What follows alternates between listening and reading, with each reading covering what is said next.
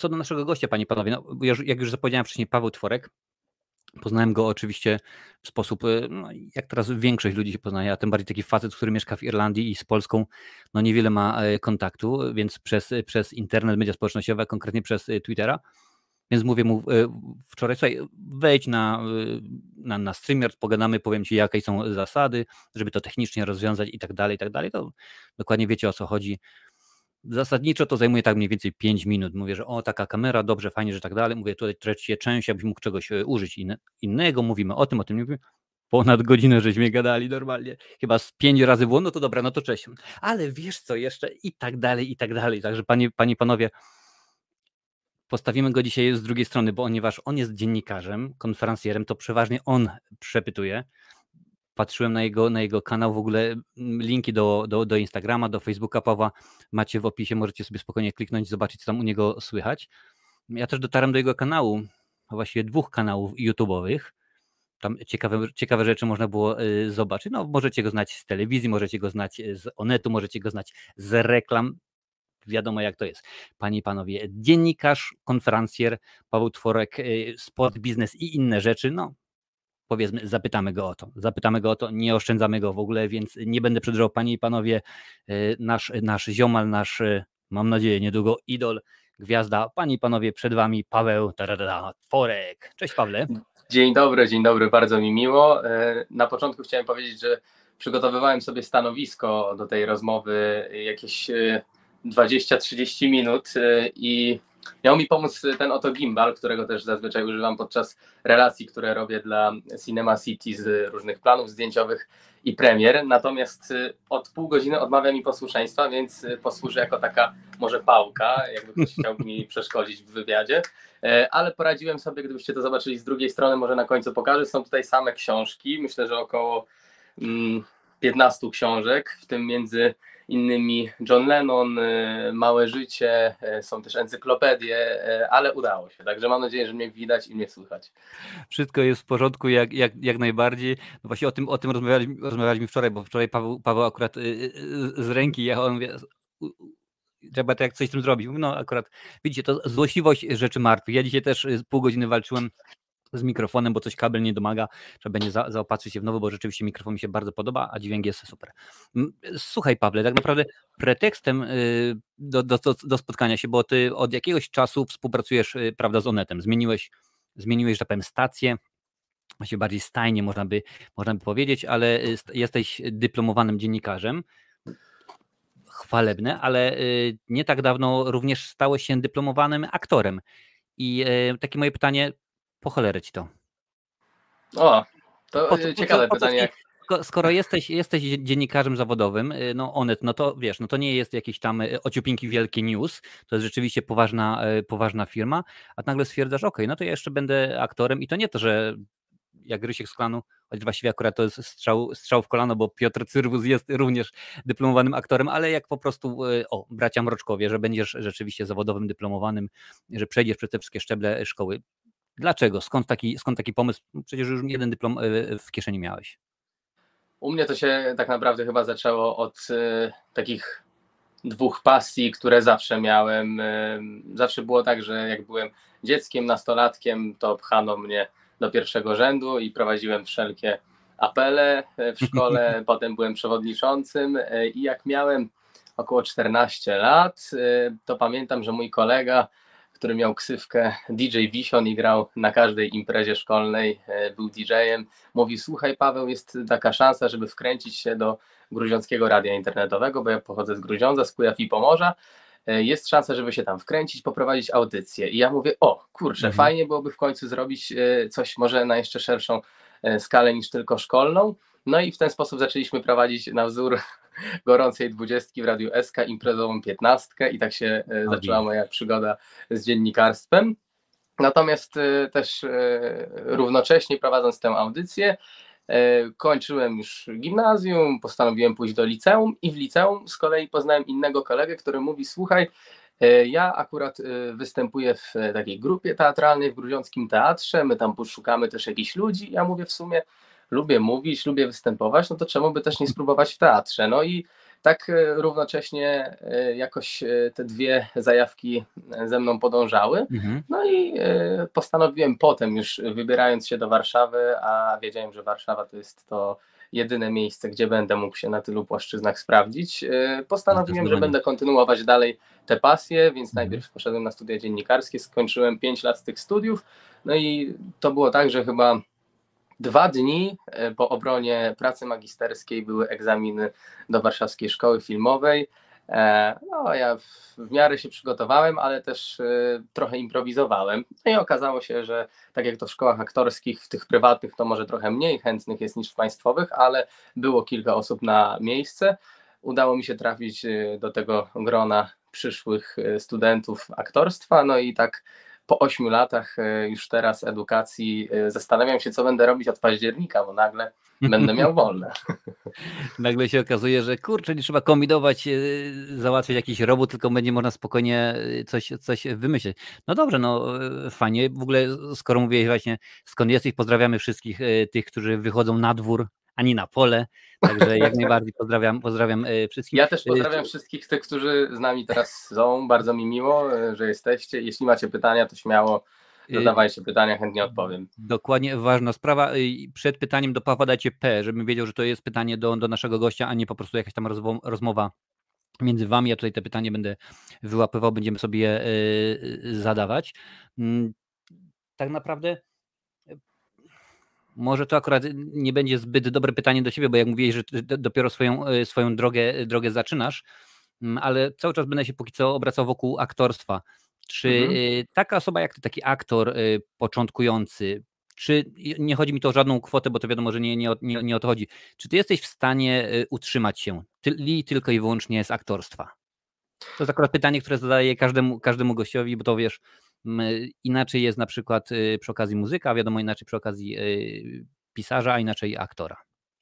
Ja nie ukrywam, że zawsze większa część moich zarobków to było akurat dziennikarstwo mm, i aktorstwo można powiedzieć, że w ostatnim czasie, powiedzmy od połowy mojej szkoły, jestem w stanie się jakoś z tego utrzymać, ale w dużej mierze ze sprawą tego, że zrealizowałem w ostatnim czasie kilkanaście różnych kampanii reklamowych, w tym bodajże siedem ze znanym sklepem z zielonym logo. Może spokojnie, może dawać nasz odcinek, nasz odcinek póki co jeszcze nie, jest sponsorowany przez żadną, żadną firmę. Ktoś chce naprawdę... Małe kalambury zrobić. Małe kalambury, nie ma, nie ma problemu. Ale każdy zna chyba ten sklep, no bo on jest e, za rogiem tu, za rogiem tu, więc e, tak, dokładnie. I myślę, że w dużej mierze mm, za sprawą tego mogę powiedzieć, że mógłbym się utrzymać, natomiast wiem, że łącząc e, te dwie pasje jestem w stanie na pewno więcej zarobić niż będąc tylko aktorem, ponieważ jest to mhm. zawód freelancerski i nierzadko rozmawiam z aktorami, którzy też grali pierwszoplanowe role w różnych filmach i mówią mi, słuchaj Paweł, ja aktualnie e, nie wiem, co będę robić przez najbliższe dwa miesiące, trzy miesiące, bo mimo tego, że są dobrymi aktorami, że pokazali, co potrafią, no, okazuje się, że nagle nie mają opcji zagrania gdzieś tam. E, tak mhm. też w ostatnim czasie było, wiem, w Polsacie e, przez to, co się dzieje za naszą wschodnią granicą. No, zrezygnowano z kilku seriali, które były mm, na podstawie licencji rosyjskiej, więc też część aktorów straciła pracę. Jest to bardzo taki niepewny zawód, nie jest to pewnie nic zaskakującego, co powiem, więc tylko życie z tego, owszem, można, ale trzeba też odpowiednio gospodarować pieniędzmi, bo może być tak, że będzie super, wtedy to jest może moment, kiedy e, uderza soduwa do głowy, ale może być też tak, że będziemy musieli czekać. A aktorów nawet nierzadko nazywa się czekaczami, bo oni czekają albo na rolę, albo e, czekają będąc na castingu, albo już e, czekają będąc na planie. Wiesz co, coś w tym jest, bo, bo jakiś czas temu sprawdzałem, w tym momencie nie przypomnę nazwiska, każdym razie jakiś hollywoodzki znany w tym momencie aktor, który od momentu swojego debiutu do roli przełomowej w jego karierze, która sprawiała, że stał się mega gwiazdą, czekał 13 lat. 13 lat gdzieś tam granie jakichś epizodów, jakieś, wiesz, ulicy San Francisco, gdzieś tam był y, czwartym trupem y, twarzą w dół i tak dalej, i tak dalej, więc jak najbardziej ciebie y, rozumiem, zresztą fajnie to kiedyś powiedział Krzysztof Piasecki, jak mówi, że akurat y, no, jest, czeka, mówi, czeka, czy zadzwonią z tego Opola, czy zadzwonią z Opola, mówi, jest, patrzę, jest telefon, dzwonią z Opola, mówi, dzień dobry, dzień dobry, czy pan y, Piasecki, tak, oczywiście, czy ma pan, czy ma pan, sekundkę tylko sprawdzę, czy ma pan może numer telefonu do pana Marcina Dańca? Więc jak najbardziej to, to czekanie to się, to się sprawdza. Tutaj jest kilka pytań do Ciebie, więc może za, zobaczymy, co tutaj widzowie mają do powiedzenia. Krzysztof Kubiak pyta, a poznał Pan osobiście rektora Warszawskiej Szkoły Filmowej, Pana Majewskiego? Z panem Majewskim i z panem Lindą jest tak, że oni się pojawiają zazwyczaj tylko podczas e, jakichś najważniejszych uroczystości, mhm. więc e, widziałem go owszem, poznałem go, ale podczas pracy dziennikarskiej, e, podczas jednego z planów zdjęciowych. Natomiast najczęściej można zobaczyć jednak w Warszawskiej Szkole Filmowej Macieja Ślesickiego, to jest kanclerz, on mhm. realizuje też niektóre z produkcji, więc z nim pracowałem chociażby na planie jednego teledysku, który też był realizowany ze studentami Warszawskiej Szkoły Filmowej, ale z panem e, Majewskim e, niestety nie, nie miałem okazji porozmawiać e, jako student, jako dziennikarz tak, ale jako student niestety nie. Mhm. Więc już wiecie Panie i Panowie, jak to, jak to jest. Bo tutaj właśnie widzę, drugie pytanie było o Bogusława Lindę, już tutaj ładnie zahaczyłeś elegancko, mm, nam odpowiedziałaś. Mówiłeś tak naprawdę wczoraj, wczoraj też poruszaliśmy ten temat, już troszeczkę zacząłeś pytałem, no, skończyłeś teraz y, aktorstwo, czy masz może gdzieś jakiś etat y, w teatrze, czy, czy jesteś na, jak na razie wolnym strzelcem? Nie, nie, jak na razie jestem wolnym strzelcem. Z teatrem jest też tak, że trzeba naprawdę dużo próbować, y, też trzeba mm, osobiście mhm. najlepiej się pojawiać w różnych tego typu placówkach. No i tak naprawdę co roku szkoły aktorskie kończy co najmniej państwowe szkoły kilkadziesiąt y, osób, jak nie kilkaset, y, drugie tyle to są szkoły prywatne. Chętnych jest sporo, y, wielu znajomych gra na przykład w Jeleniej Górze, w Białymstoku, w Olsztynie, w jakichś mniejszych miejscowościach, bo po prostu grają tam, gdzie dostają angaż. Mhm. Ja chyba na ten moment trochę mam tak jak Jakub Gierszał, który też mówi o tym, że on jednak woli skupić się na filmie, na kinie, na serialu, ja gdzieś tam na ten moment e, chciałbym iść w tym kierunku, film, serial, ale teatr jest super, bardzo lubię teatr, te doświadczenia z Gruziądza, chociażby kiedy na żywo widzimy się z widzem, e, kiedy możemy też poniekąd reagować na to, co daje nam publiczność. No, ostatnia sztuka, którą zagrałem, to był pop-up, to był nasz spektakl dyplomowy w Warszawskiej Szkole Filmowej o takiej współczesnej korporacji, o tym, że tak naprawdę pracujemy, dużo zarabiamy, ale nie do końca czujemy się szczęśliwi w tym miejscu, w którym jesteśmy, mimo tego dobrobytu, które mamy dookoła siebie. Spektakl e, myślę, że, że był udany, jak to mówiliśmy ze znajomymi, e, była to chyba nasza najfajniejsza przelotka. E, I to, były moje, to był mój ostatni raz, że tak powiem, na deskach teatralnych. Od tego czasu raczej skupiałem się na innych działaniach, e, nie próbowałem nigdzie mm, wysyłać CV do żadnych teatrów.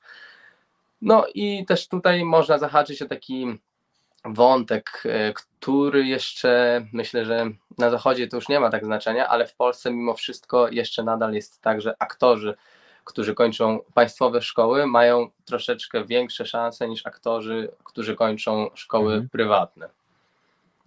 O, widzisz tak e, zapytałem o ten teatr, bo to też wczoraj właśnie e, rozmawialiśmy.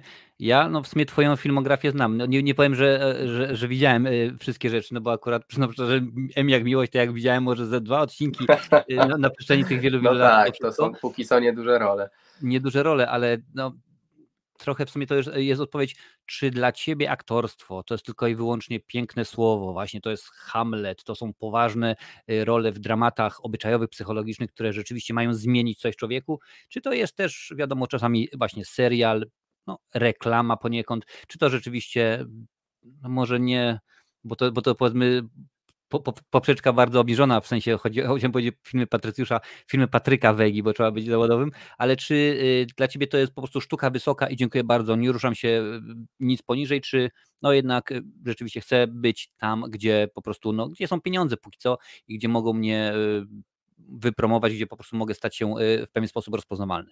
Ja się spotykałem z takim określeniem, że znajomi z różnych szkół mówili, że oni idą do szkoły po to, żeby mhm. potem grać tylko w teatrze, ale jak dostawali pierwszy angaż e, o, albo w jakimś serialu, albo jak udało im się wygrać casting do reklamy i na swoim koncie e, widzieli liczbę czasami nawet dwucyfrową, bo takie stawki reklamowe w Polsce, to wczoraj rozmawialiśmy o tym, że to jest zazwyczaj Mhm. 1500 zł za dzień zdjęciowy, a potem kilka do kilkunastu, nawet kilkudziesięciu tysięcy za ogromne kampanie dla światowych marek za prawa. E, Więc e, jak ktoś taki mm, zgarnął nawet te kilka tysięcy, to nagle zauważyłem, że zmieniło się jego myślenie. Ja nie jestem raczej z tych, którzy mówią, nie, nie, e, nie będę próbować swoich sił e, w reklamach albo gardzę reklamami, no bo, bo to nie aktorstwo. Nie, są reklamy, chociażby uważam, że tak jak te reklamy Żabki, gdzie są one bardzo aktorskie, też grają tam sami aktorzy e, i każde, każda styczność e, na planie czegoś uczy. Też przy okazji mm, chociażby reklam Żabki pracują tam bardzo doświadczeni ludzie, chociażby ostatnie reklamy filmowali e, znani operatorzy sobocińscy, więc e, wydaje się, że reklamy to może robią jacyś e, ludzie, którzy się nie zajmują takim poważnym kinem. Nie, wszyscy No, już, pracują, już nie, już nie.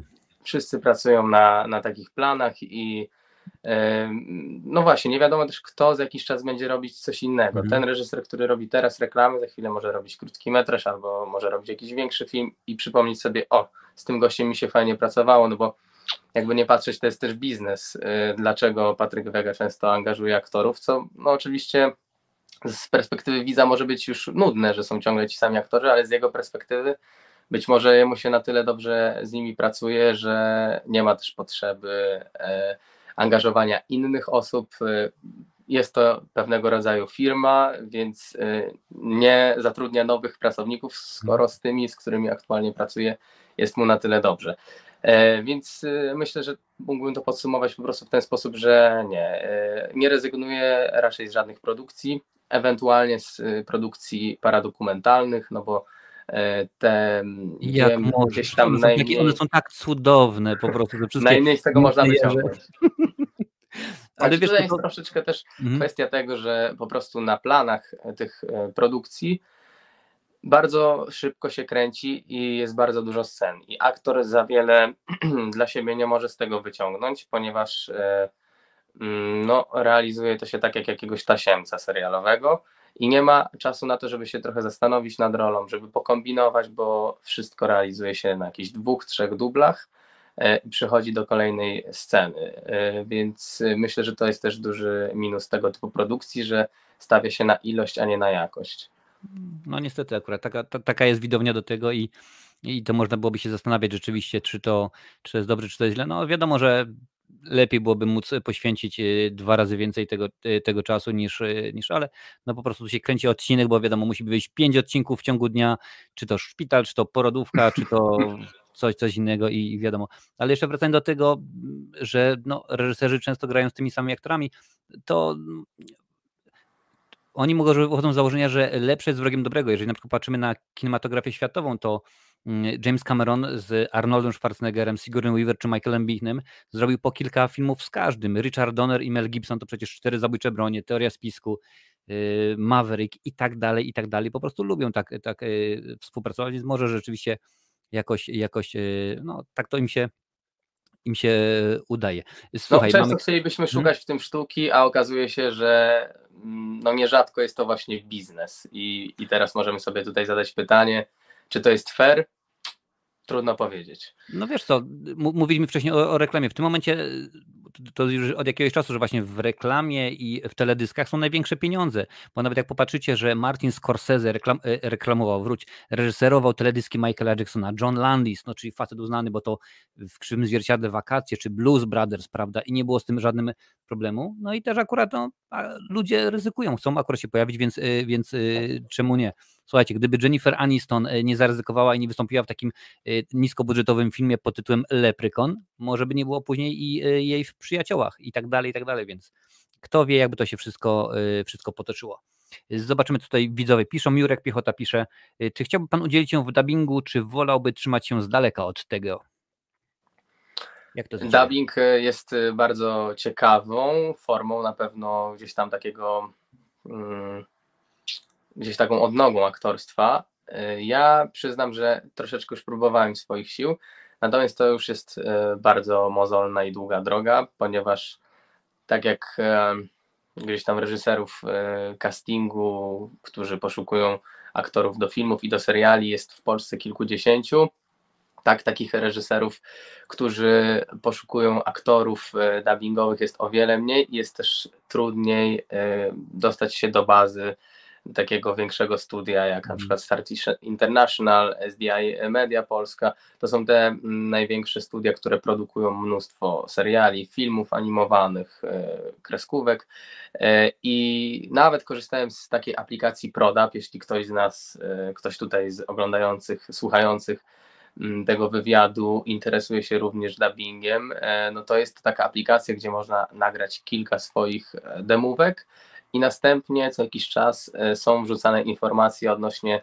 tego, że poszukuje się kogoś na przykład do filmu lub serialu, poszukuje się nowego głosu, mm, tam są podawane wyceny za wierszówki, są też mhm. poszukiwanie, poszukiwani ludzie którzy mogą spróbować swoich sił w gwarach, e, czyli to są takie mm, tłumy, tak? Jak na przykład mamy głównego bohatera, a w tle jest jakiś jarmark, ludzie coś e, do siebie mówią, ktoś coś krzyczy, e, podaj cebulę, e, tata, ktoś idzie. To są tego typu e, rzeczy. W gwarach bardzo fajnie można się też uczyć dubbingu. Natomiast ja miałem akurat, to jest zabawna sytuacja, bo realizowałem mm, jeden z odcinków mojego programu filmowego, który był emitowany w telewizji Red Carpet y, i rozmawiałem akurat z Janną Węgrzynowską, która jest no, chyba najpopularniejszą reżyserką dubbingową w Polsce i tego samego dnia o tej samej godzinie pierwszy raz się odezwano do mnie z jednego studia,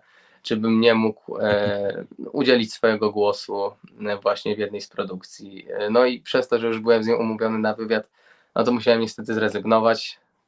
E, wtedy pamiętam, że Joanna Węgrzynowska powiedziała, no, że to chyba takie prawo Marfiego. Nie wiem, czy się z nią zgodzę, ale może coś w tym jest.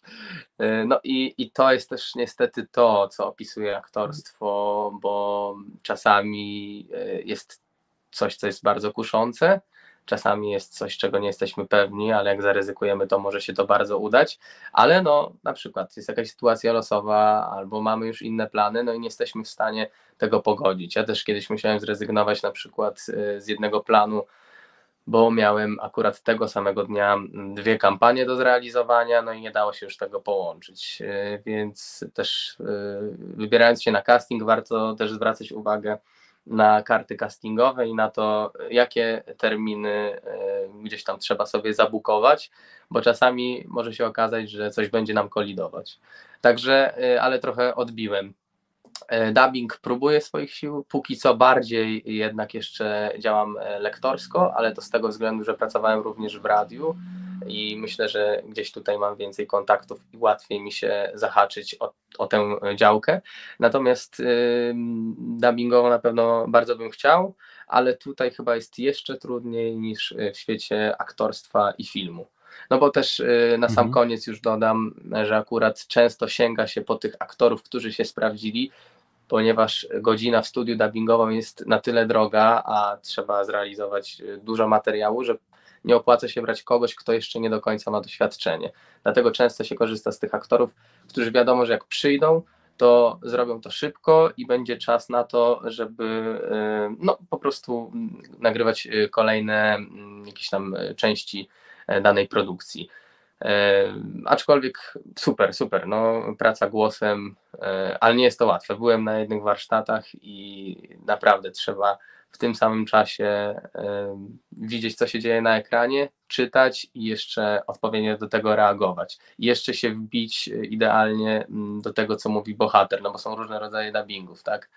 E, są dubbingi takie, że podkładamy na przykład głos już aktorowi, który e, który już pojawia się w filmie, tak, ale są też dubbingi takie, że musimy e, ten głos jakoś od siebie mm, wygenerować, musimy stworzyć poniekąd tę postać, musimy jakoś zmienić tembr, ton, e, więc też myślę, że dużo zależy od pewnego doświadczenia. Słuchajcie, patrzcie panie i panowie, jaki nam się gość trafił. Jedno pytanie, odpowiedź 10 minut normalnie, a Marcinek elegancko A nie, bo to jest- powie herbatka i pięknie. No i wiesz, to bardzo dobrze, bo Może ja, może ja, ja, zanu- lubię, ja, lubię, zanudzam. nie, no, ja lubię odpowiedzi właśnie tego typu, a nie na zasadzie, że y, tak, nie, no widziałem Lindę, widziałem, no, no, no. Nie no, przynajmniej dobrze, elegancko, po to tutaj jesteśmy, żeby dowiedzieć się troszeczkę więcej od kuchni. Powiem Ci tylko ze swojej strony, właśnie tutaj ze strony widzów, jak nieraz, no, no, no, no ja będąc w Irlandii nie mam szansy oglądać na przykład filmów z polskim dubbingiem, wiele osób się oczy na polski dubbing y, w filmach, w animacjach jest dużo, dużo lepiej rzeczywiście, no już wiadomo, Shrek jest kultowy i ten jego, jego Jerzy Sztur, y, latać każdy może jako osiołek, ale y, w filmach jest koszmarnie, trzymaj się, taka nasza, nasza e, prywatna rada, trzymaj się od filmów z daleka, jeżeli możesz, bo wiadomo, wiadomo, czasami jakoś to nie, nie, nie, wygląda, nie wygląda bardzo dobrze. Słuchaj, chciałem Cię zapytać właśnie o te, o, te, o te seriale, bo mm, komisarz Mama, oczywiście chronologicznie mam nadzieję, to jest podane na IMDb, komisarz Mama, Tajemnice Miłości, Emi jak Miłość, Tatuśkowie. No Mm. tak, brzmi e, ciekawie. Rzeczywiście, jak zobaczyłem to zestawienie twoje, to tam brakuje jakichś filmów, gdzie miałem trochę większe role, ale były to filmy krótkometrażowe albo No, etiudy. można byłoby do, dorzucić jeszcze Młody Piłsudski, Podgląd Więc- y, albo Rozkwit y, Zimowy na przykład. Tak, prawda? i to są takie już bardziej powiedziałbym artystyczne filmy, ale te, o których mówisz, seriale, no to rzeczywiście układa się to w taką jedną wielką miłosną historię. No i właśnie, do, do, dostajemy tutaj e, faceta, który jest, jest po szkole e, aktorskiej, dziennik, dziennikarza i tutaj mamy, e, mamy tajemnicę miłości, M jak miłość, czy komisarz mama. Jak to się stało, że na, no, trafiłeś do takiego dziwnego miksu, miksu tych, tych seriali? No, chyba tylko jeszcze brakuje chyba klanu, prawda? I Złotopol, nie, Złotopolski Nie. już nie kręcą. No nie mogę powiedzieć, że za jakąś produkcją przepadam albo nie przepadam, bo potem się jakiś producent na przykład obrazi na mnie i będzie mnie chciał do innej produkcji zaangażować. E, To jest też trochę tak, jak rozmawialiśmy o, wspominałeś o mm, Patryku Wedze. To jest też tak, że aktorzy, którzy są na początku swojej drogi, często angażują się w różne projekty z tego względu, że nie mają szansy na to, żeby Mhm. wybierać. Ale praca już na takim planie e, serialu, który no nie jest paradokumentalny, tylko jest takim serialem jak Komisarz Mama czy M jak Miłość, to już jest jakaś nauka i już jest e, możliwość zdobywania kontaktów e, i w pionie reżyserskim, producenckim, jakimś operatorskim, więc jest to opcja przede wszystkim spotkanie się też z fajnymi ludźmi na planie, szansa na to, że możecie razem jeszcze zrobić coś w przyszłości, no i oczywiście szansa e, zarobku, no bo wiadomo, że w serialach epizodyczne role to jest kilkaset złotych, a takie role powiedzmy, gdzie mamy więcej scen, no to takie dniówki aktorskie to jest od, e, około tysiąca złotych. E, ja tu będę operować kwotami, nie wiem, chyba niewiele osób pewnie o tym mówi, ale też nie wydaje mi się, że to jest jakiś temat tabu, a pisałem zresztą u Nie, siebie na wydaje mi się, profilu, że- że nie będzie tematów tabu. No ja wydaje mi się, że E, akurat pieniądze i- to jest jak najbardziej tematy, tematy normalne. Tym bardziej, że słuchaj, nie operujemy tutaj, że a no wiesz, za M jak miłość zgarnąłem milion dolarów, no bo to Tak, tak. no to Oj, ja jestem. Myślę, że nawet Kasia Cichopek mogła tyle nie zgarnąć. Chociaż przez tyle lat co kręcą. Może się jej udało. Pozdrawiamy Kasi Cichowek oczywiście. Tak, tak, pozdrawiamy. Em, No, więc y, dla mnie to był po prostu naturalny wybór, że jak jest szansa, jak na przykład jakiś reżyser castingu e, zaprasza mnie do tego, żebym zagrał w takim serialu czy w takiej produkcji, no to e, nie zastanawiam się. Gdyby była mowa o tym, że jest to, hmm, no chyba jedynie tak jak wspominałem, jakaś produkcja paradokumentalna, żebym wiedział, że to jest y, trzy dni zdjęciowe za jakieś 1000 zł i kręcimy 15 scen i scenariusz jest w trakcie zmieniany, no to raczej nie sądzę, żebym coś dla siebie wyciągnął ani e, artystycznie, ani finansowo, więc wtedy bym się grubo zastanowił. Natomiast w przypadku e, takich e, seriali, to ja korzystałem z tego też, jaką dostałem szansę. No i, I myślę, że to z tego względu tak się ułożyły te tytuły. I, I rzeczywiście są to takie seriale, które albo znamy od lat, albo no tak jak w przypadku Tatuśków, nie wiem czy tam jeszcze kolejne sezony powstały, wiem, że Komisarz Mama się spodobała i, i są kolejne sezony realizowany. To bym powiedział tak w cudzysłowie, że to jest chyba bardziej butikowy serial, No, bo Na Mm, IMDb tam jest, jest napisane, ma- że Tatuśkowie cały czas są kręceni, wiesz, że nie ma, nie ma przerwy, także wydaje mi się, że chyba, chyba cały czas coś się dzieje w tym, y, w tym aspekcie, no także akurat no Tatuśkowie, Tatuśkowie, dzień dobry, tatuś jak dwójki dzieci, także. Mhm, a to pozdrawiamy, pozdrawiam w takim razie również tatusia i dzieci. jak najbardziej. Y, Słuchaj, pytań jest, jest kilka cały czas. Y, Lancel, jedno z Twoich pytań y, padnie na samym końcu, bo ono akurat troszeczkę koreluje z, również z moim pytaniem, ale teraz zadam tak. Czy dbasz jakoś szczególnie o głos? Konferencer to praca przede wszystkim głosem. Czy jakaś specjalna, nie wiem, dieta, czy jesteś jak Roki i pijesz surowe jajko na dzień dobry, żeby potem mieć, mieć krzepę czy coś, czy po prostu, nie wiem, no, nie ma, nie ma imprez, nie ma zimnych drinków. Jak to jest u Ciebie? Nie, imprezy są, bo imprezy też Swój Imprezy też- chłop.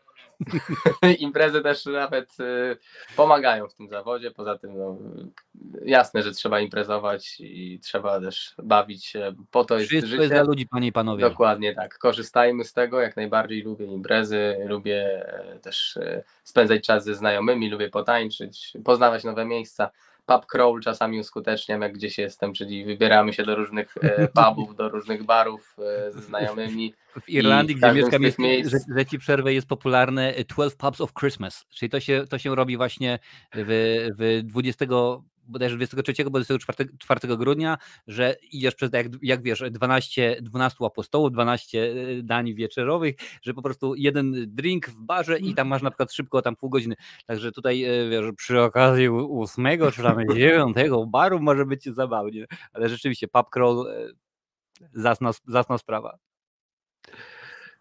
Tak, e, więc e, wracając e, jeszcze do tematu odnośnie tego, czy jakoś e, dbam o głos. E, Zazwyczaj staram się przy, przed jakimiś nagraniami, bo mam akurat takie mini studio mm, u siebie zorganizowane w mieszkaniu. Przed nagraniami, na przykład lektorskimi, mm, rozgrzewam głos. Mam e, różne materiały, które zdobywałem, będąc e, na różnych zajęciach z logopedami, na różnych warsztatach. Znam takie rozgrzewki głosowe, które no, po, pomagają od masażu tutaj w okolicach skroń, tu gdzie mamy mm, no, żuchwy, Mhm. mm, tak, gdzie mamy skroń, e, po e, jakieś e, rozgrzewki typu A, E, I, O, U, E, I, O, U, Y, A, I, O, U, Y, A, E i tak dalej. E, ale to wystarczy tak naprawdę Mhm. e, kilka minut rozgrzewki i, i absolutnie e, to już jest ok. E, W trakcie no, trzeba pamiętać o tym, żeby gdzieś tam się nawadniać. E, Też są pomocne takie tabletki, które nawilżają gardło, jak na przykład Isla. E, To też jest dobra rzecz, też często radiowcy tego używają. Mm, No i myślę, że nie ma jakichś takich e, głębszych e, jeszcze wskazówek, albo nie, nie ma przynajmniej niczego takiego, mm, o czym mógłbym jeszcze powiedzieć, co by było spektakularnego. Nie, to takie proste przygotowania. Czy w przypadku pracy, no jak się jedzie na plan, to raczej trzeba się wyspać, e, chociaż też da się być na planie niewyspanym, ale wtedy jest trochę gorzej. E, W przypadku pracy myślę, że głosem, z mikrofonem, który jest bardzo czuły, to tutaj trzeba zadbać o ten aparat mowy, a w przypadku konferencjerki to jest tak, że też często, bo to są wydarzenia na żywo, publiczność daje flow i w trakcie ten głos nawet się rozgrzewa. Mało Mhm. tego, wtedy trzeba pamiętać o tym, żeby pracować przeponą i żeby też nie nadwyrężać tego głosu, bo emocje mogą się udzielać. Możemy za bardzo krzyknąć, e, zedrzeć sobie nieco gardło, więc wtedy trzeba też pamiętać o tym, żeby może aż za bardzo się nie ekscytować, e, Mhm. bo można się zapomnieć, e, jak rzeczywiście jest dobra energia ze strony publiczności, Mhm. e, więc, e, więc tego bym pilnował. E, A rozgrzewka to taka standardowa, krótka, to o czym wspomniałem na samym początku.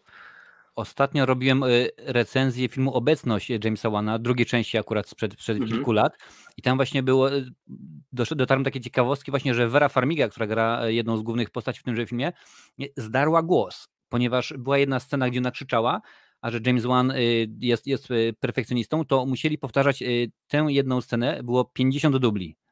No i ona po prostu, dziękuję bardzo, straciła, straciła głos, więc jak najbardziej tutaj trzeba, trzeba uważać, bo to naprawdę jest, może być niewesoło, panie i panowie. Z mikrofonem również, żeby nie było za głośno, za cicho i tak dalej, żeby nie uderzać, bo uwierzcie mi, wy nie macie pojęcia, no Paweł pewnie ma, ale wy nie macie pojęcia, ile razy na przykład robiąc zwykłą 10-minutową recenzję trzeba powtórzyć, bo nagle się zagalopowałem i uderzyłem w mikrofon, y, czy coś takiego.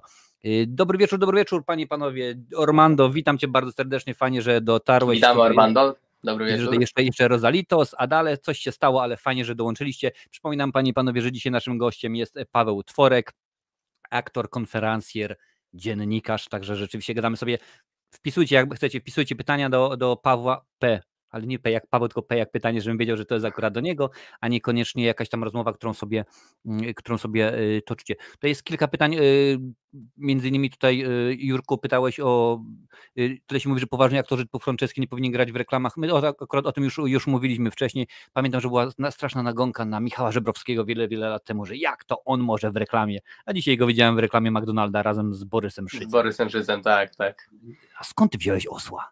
Więc, y, więc jakoś tak to y, mm, fajnie jest. Y, tutaj pytanie jest od Krzyśka Kubiaka, a czy jak wszedłeś na plan M jak miłość, to wiedziałeś, że dla wielu to serial legenda. Czy, czy czułeś tą, ten ciężar gatunkowy? No bo wiesz, czasami jest tak, że, że oglądałem wczoraj świetny, świetny dokument właśnie o Danielu, Craigu, o Danielu Craigu, czyli Being James Bond, o tym jak on właśnie, jak on się czuł wchodząc w, no, w ślady Shona Connery, Connery'ego, Rogera Moore'a, że to właśnie jest James Bond i dla wielu, no, ja niestety, albo stety, jak to woli, ja nie jestem, y, nie, nie odczuwam M jak miłość, y, dla mnie to nie jest legenda, ale pewnie jest, jest gro osób, które twierdzą, no, że rzeczywiście to jest y, część, no, jedna z bardziej popularnych polskich telenoweli. Jak to było z tobą? Czy rzeczywiście uderzyło cię, czy tylko po prostu była tylko twoja krótka wizyta i dziękuję bardzo? Nie, nie, nie.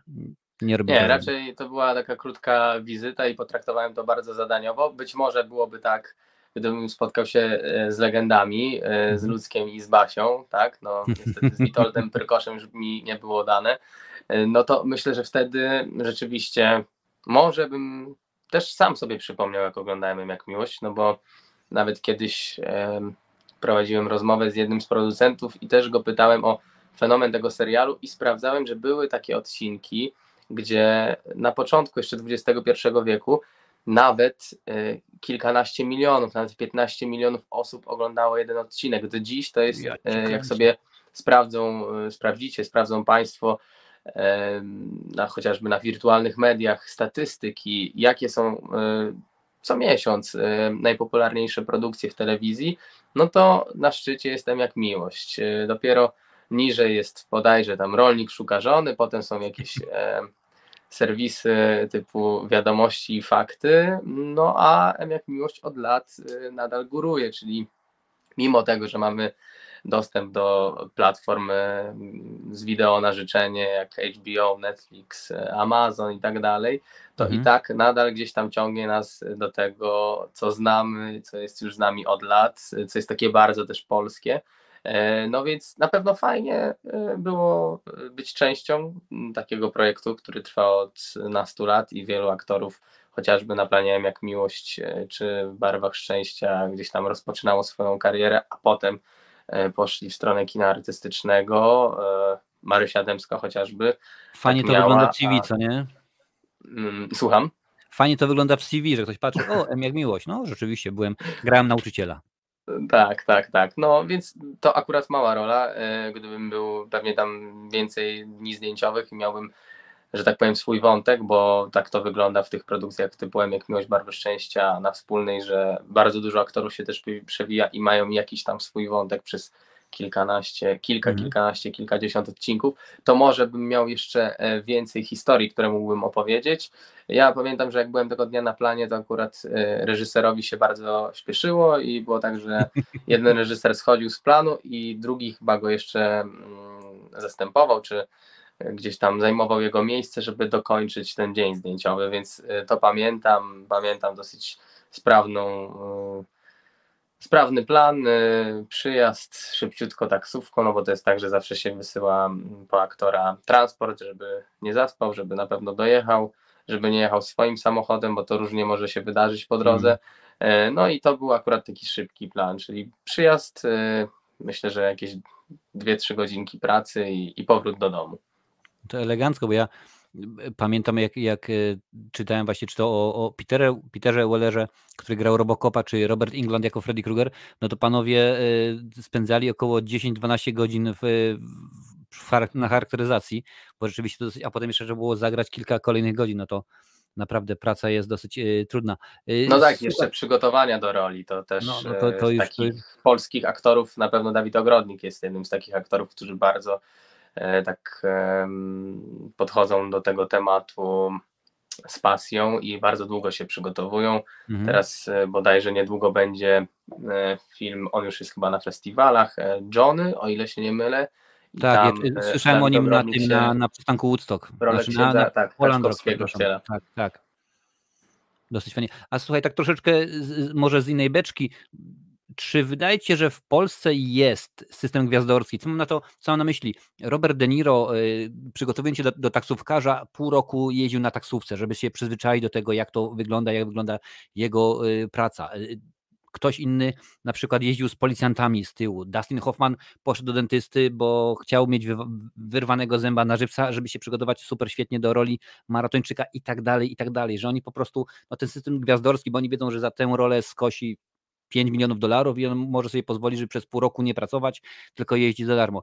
Czy jest w Polsce, no wiadomo, ten, ten top, no mówiliśmy o, o, o Jakubie Gersztalu, czy o, o Ogrodniku, Cezary Pazura i tak dalej, i tak dalej. Czy jest coś takiego rzeczywiście, że można powiedzieć, ok, no oni, oni mają to naprawdę, mogą sobie pozwolić, y, żeby do roli a, trzy miesiące wziąć i wyjechać, zaszyć się w buszu, albo jak na przykład y, no, świetny, świetny y, Joker, zamknąć się w hotelu na kilka, na kilka dni i wymyślać rolę od podstaw? E, ja jeszcze nie miałem takiej możliwości, więc o mnie krótko. Ja nie, tego nie wiem. Z opowieści innych aktorów też niewiele słyszałem. Wiem, że jak film wymaga na przykład e, tego, że aktor musi e, schudnąć do roli, albo przytyć, zmienić swoją wagę, albo musi zacząć trenować, to Sebastian Stankiewicz tak mi opowiadał, że wtedy rzeczywiście miał trochę czasu na to, żeby się przygotować do roli ale chyba to jest kwestia głównie związana z fizycznością. Mhm. Dawid Ogrodnik może być przykładem takiej osoby, która ma trochę czasu na to, żeby gdzieś tam się zaznajomić ze swoimi przyszłymi bohaterami, ale nie znam też e, kulis e, takiego e, procesu przygotowania się do roli długotrwałego, bo wiem, że zazwyczaj no, mowa tutaj o pieniądzach, a tych e, no, zawsze brakuje. Zawsze mm, na planie zdjęciowym robi się wszystko szybko, mimo że jest obsuwa już, mimo że się dzień zdjęciowy nie zacznie, to już jest i tak zawsze obsuwa. Zawsze każdemu się śpieszy, nikt nie chce przekładać e, czegoś na później, kosztem na przykład jakiejś przerwy obiadowej. Czasami się szybciej zaczyna realizować kolejne sceny, e, więc wiem, że zawsze czas goni. I no, ten czas to byłby potrzebny już przed tym okresem zdjęciowym do przygotowania się, tak, zgadza się. Dla, dla takiego aktora. W trakcie preprodukcji. Wiem, że to mm, są, są takie osoby w Polsce, ale to raczej, y, tak jak wspominałem, kwestie fizyczne, y, takie, żeby wejść do jakiegoś środowiska. Hmm. No, raczej to jest kilka dni pewnie, e, nie, nie kilka miesięcy, tylko kilka dni, żeby trochę zobaczyć, e, jak wygląda praca. Mm, przykładowo, no jak mamy jakiś ośrodek, gdzie są ludzie z zaburzeniami, tak? Mamy grać e, jakąś osobę, mm, która ma chorobę psychiczną, no to wtedy tak, wtedy kilka dni może nie wystarczyć, ale wiem, że są takie szanse. No więc, y, ale to dosyć trudne pytanie, bo nie znam chyba takiego konkretnego przykładu, którym mógłbym się podzielić i y, wydaje mi się, że rzeczywiście za granicą nadal dla takich topowych gwiazd y, jest więcej szans na to, żeby mogli usiąść, zastanowić się, potem wejść do tego środowiska, a potem to wszystko, czego się nauczyli, przekazać wiarygodnie na ekranie. Okej. Okay. Słuchaj, takie dwa krótkie pytania od widzów. Pierwsze od Jurka. Standardowe pytanie. Ulubione aktorzy polscy i zagraniczni. Mhm. No to myślę, że te przykłady, które się już e, pojawiały. Dawid Ogrodnik, e, Tomasz Dziętek, myślę bardzo dobrzy. E, Tomasz Włosok również ostatnio, Jakub Gierszał mhm. też. Jeśli chodzi o zagranicznych aktorów, e, mm, no to tutaj nie będę oryginalny. No, Leo, brat, e, no te, te filmy z nimi, jak oglądamy, no to jest, to jest majstersztyk, to jak oni się też rozwijali. Od pierwszych tytułów, w których w ogóle grali, jak, jakie to były świetne kreacje. Ja tak naprawdę. No, no wiesz, nie, Leonardo DiCaprio. Leonardo DiCaprio debiutował filmem Critersy, część trzecia, także no.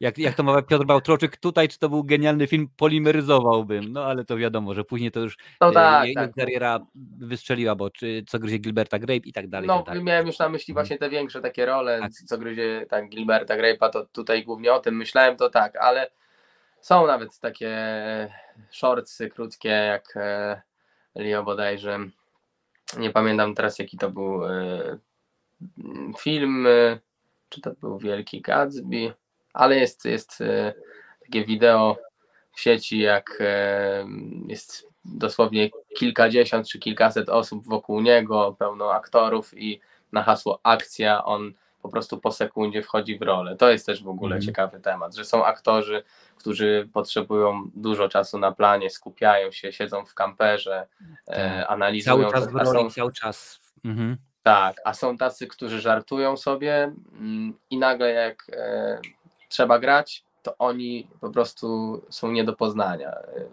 No i to jest, to jest sztuka, rzeczywiście, to jest sztuka e, mieć to w sobie i od stryknięcia palca tak naprawdę zacząć grać i, i być tą osobą.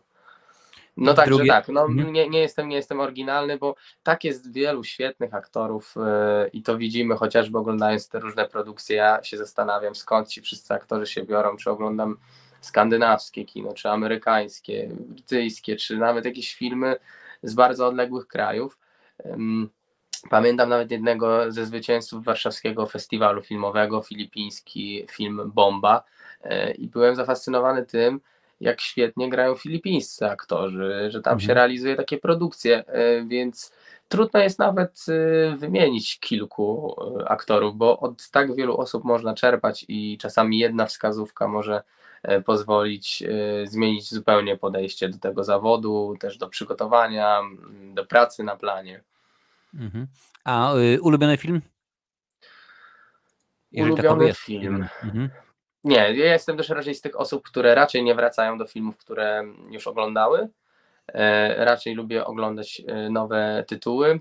Taki z filmów, e, jak ktoś mnie ewentualnie zapyta czasami, który mnie poruszał, to pamiętam, że to był Utoja 22 lipca, który był tak zwanym long take'iem kręcony, niektórzy mówią mhm. master shot, ale to te pojęcia wiem, że czasami bywają mylnie mm, wykorzystywane, czyli jakby wszystko jest w jednym ujęciu zrealizowane, no i to jest e, film opowiadający o tym, co się działo na wyspie Utoja, czego dokonał Anders Breivik i obserwujemy bohaterkę, mhm. e, która no, chowa się po lesie, e, ucieka, operator jest jednym z tak naprawdę bohaterów tego filmu, bo ta kamera chowa się za drzewami, za chwilę gdzieś wyskakuje, jest w krzakach, e, widzi tego zbliżającego się napastnika.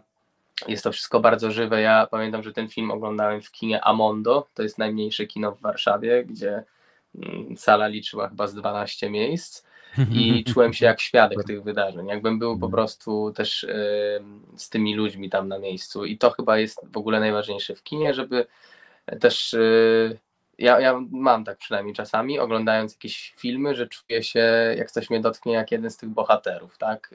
I jak ktoś był y, taksówkarzem, to wtedy sobie myślę, o fajnie byłoby być takim taksówkarzem, mm. może kogoś podrzucę.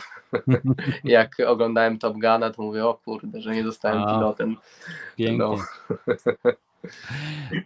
Słuchaj, jest, jest, pytanie, które w sumie y, y, rozwinę, bo dotarłem, nie mówiłeś o tym, ale dotarłem do twoich dwóch kanałów YouTube'owych, gdzie tam miałeś różnego rodzaju wywiady. No. Młodziutki tam byłeś, na, na tak, jednym, tak, jednym tak. z nich byłeś bardzo młodziutki. Ale... Ostatnio się zastanawiałem, czy już się nie pozbyć tego, ale jeszcze gdzieś tam to wisi.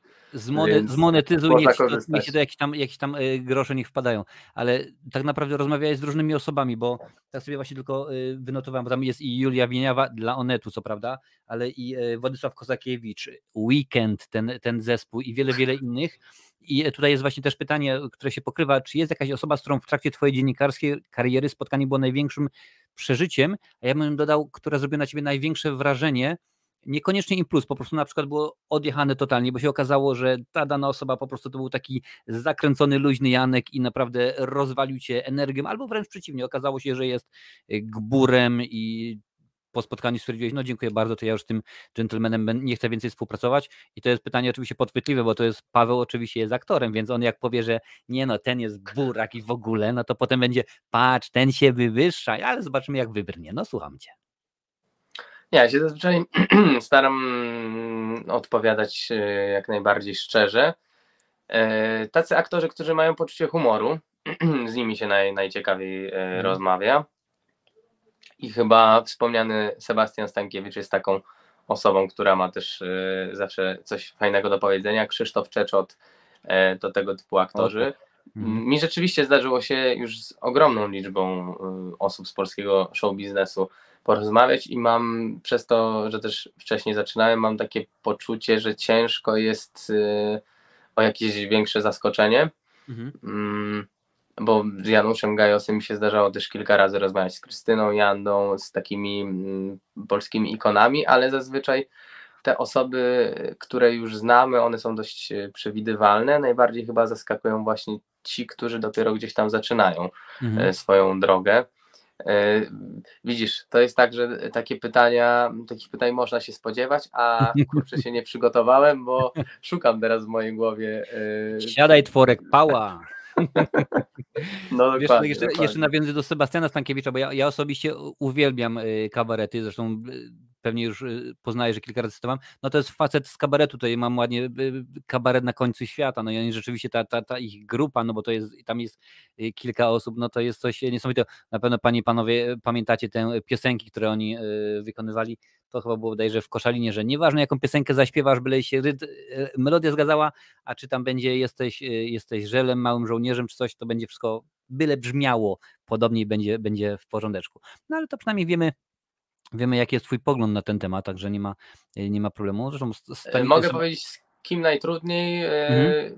to do kogo najtrudniej było dotrzeć, to do Smarzowskiego i rzeczywiście z nim nie udało mi się porozmawiać, ponieważ on zazwyczaj nie jest zbyt chętny do rozmów mhm. i przez to gdzieś tam chyba też straciłem trochę sympatii do niego, bo nie jest on taki przyjemny, jakby się może mogło wydawać w kontakcie z dziennikarzami, więc teraz uwaga, tam, dam, dam, dam, może przekreśliłem e, swoją szansę, ale no myślę, że bardzo mi przykro, akurat... za rok będzie Wesele 3, nie wystąpisz. Nie, nie wystąpię, no nie. Słuchaj, teraz takie jedno pytanie e, troszeczkę techniczne, ale Panie Pawle, czy jako człowiek z branży i pracujący głosem uważasz, że w polskich produkcjach jest problem ze suszeniem dialogów? Czy to kwestia techniczna, czy może problem warsztatu samych e, aktorów? No właśnie tak, rzeczywiście nierzadko ten temat jest y, poruszany. Mm, natomiast zastanawiam się, z czego to do końca wynika, ponieważ y, my mamy y, dobrych takich pracowników technicznych, którzy się pojawiają na planach, na przykład Radosław Ochnio, też laureat Europejskiej Nagrody Filmowej, prawdopodobnie, o ile się nie mylę, za film 11 minut. Rozmawiałem z nim kiedyś podczas takiej e, mojej audycji, mojego cyklu w Meloradiu ABC Filmu, gdzie tam odkrywałem kulisy różnych zawodów filmowych, mhm. było 45 odcinków od kaskaderów przez właśnie dźwiękowców.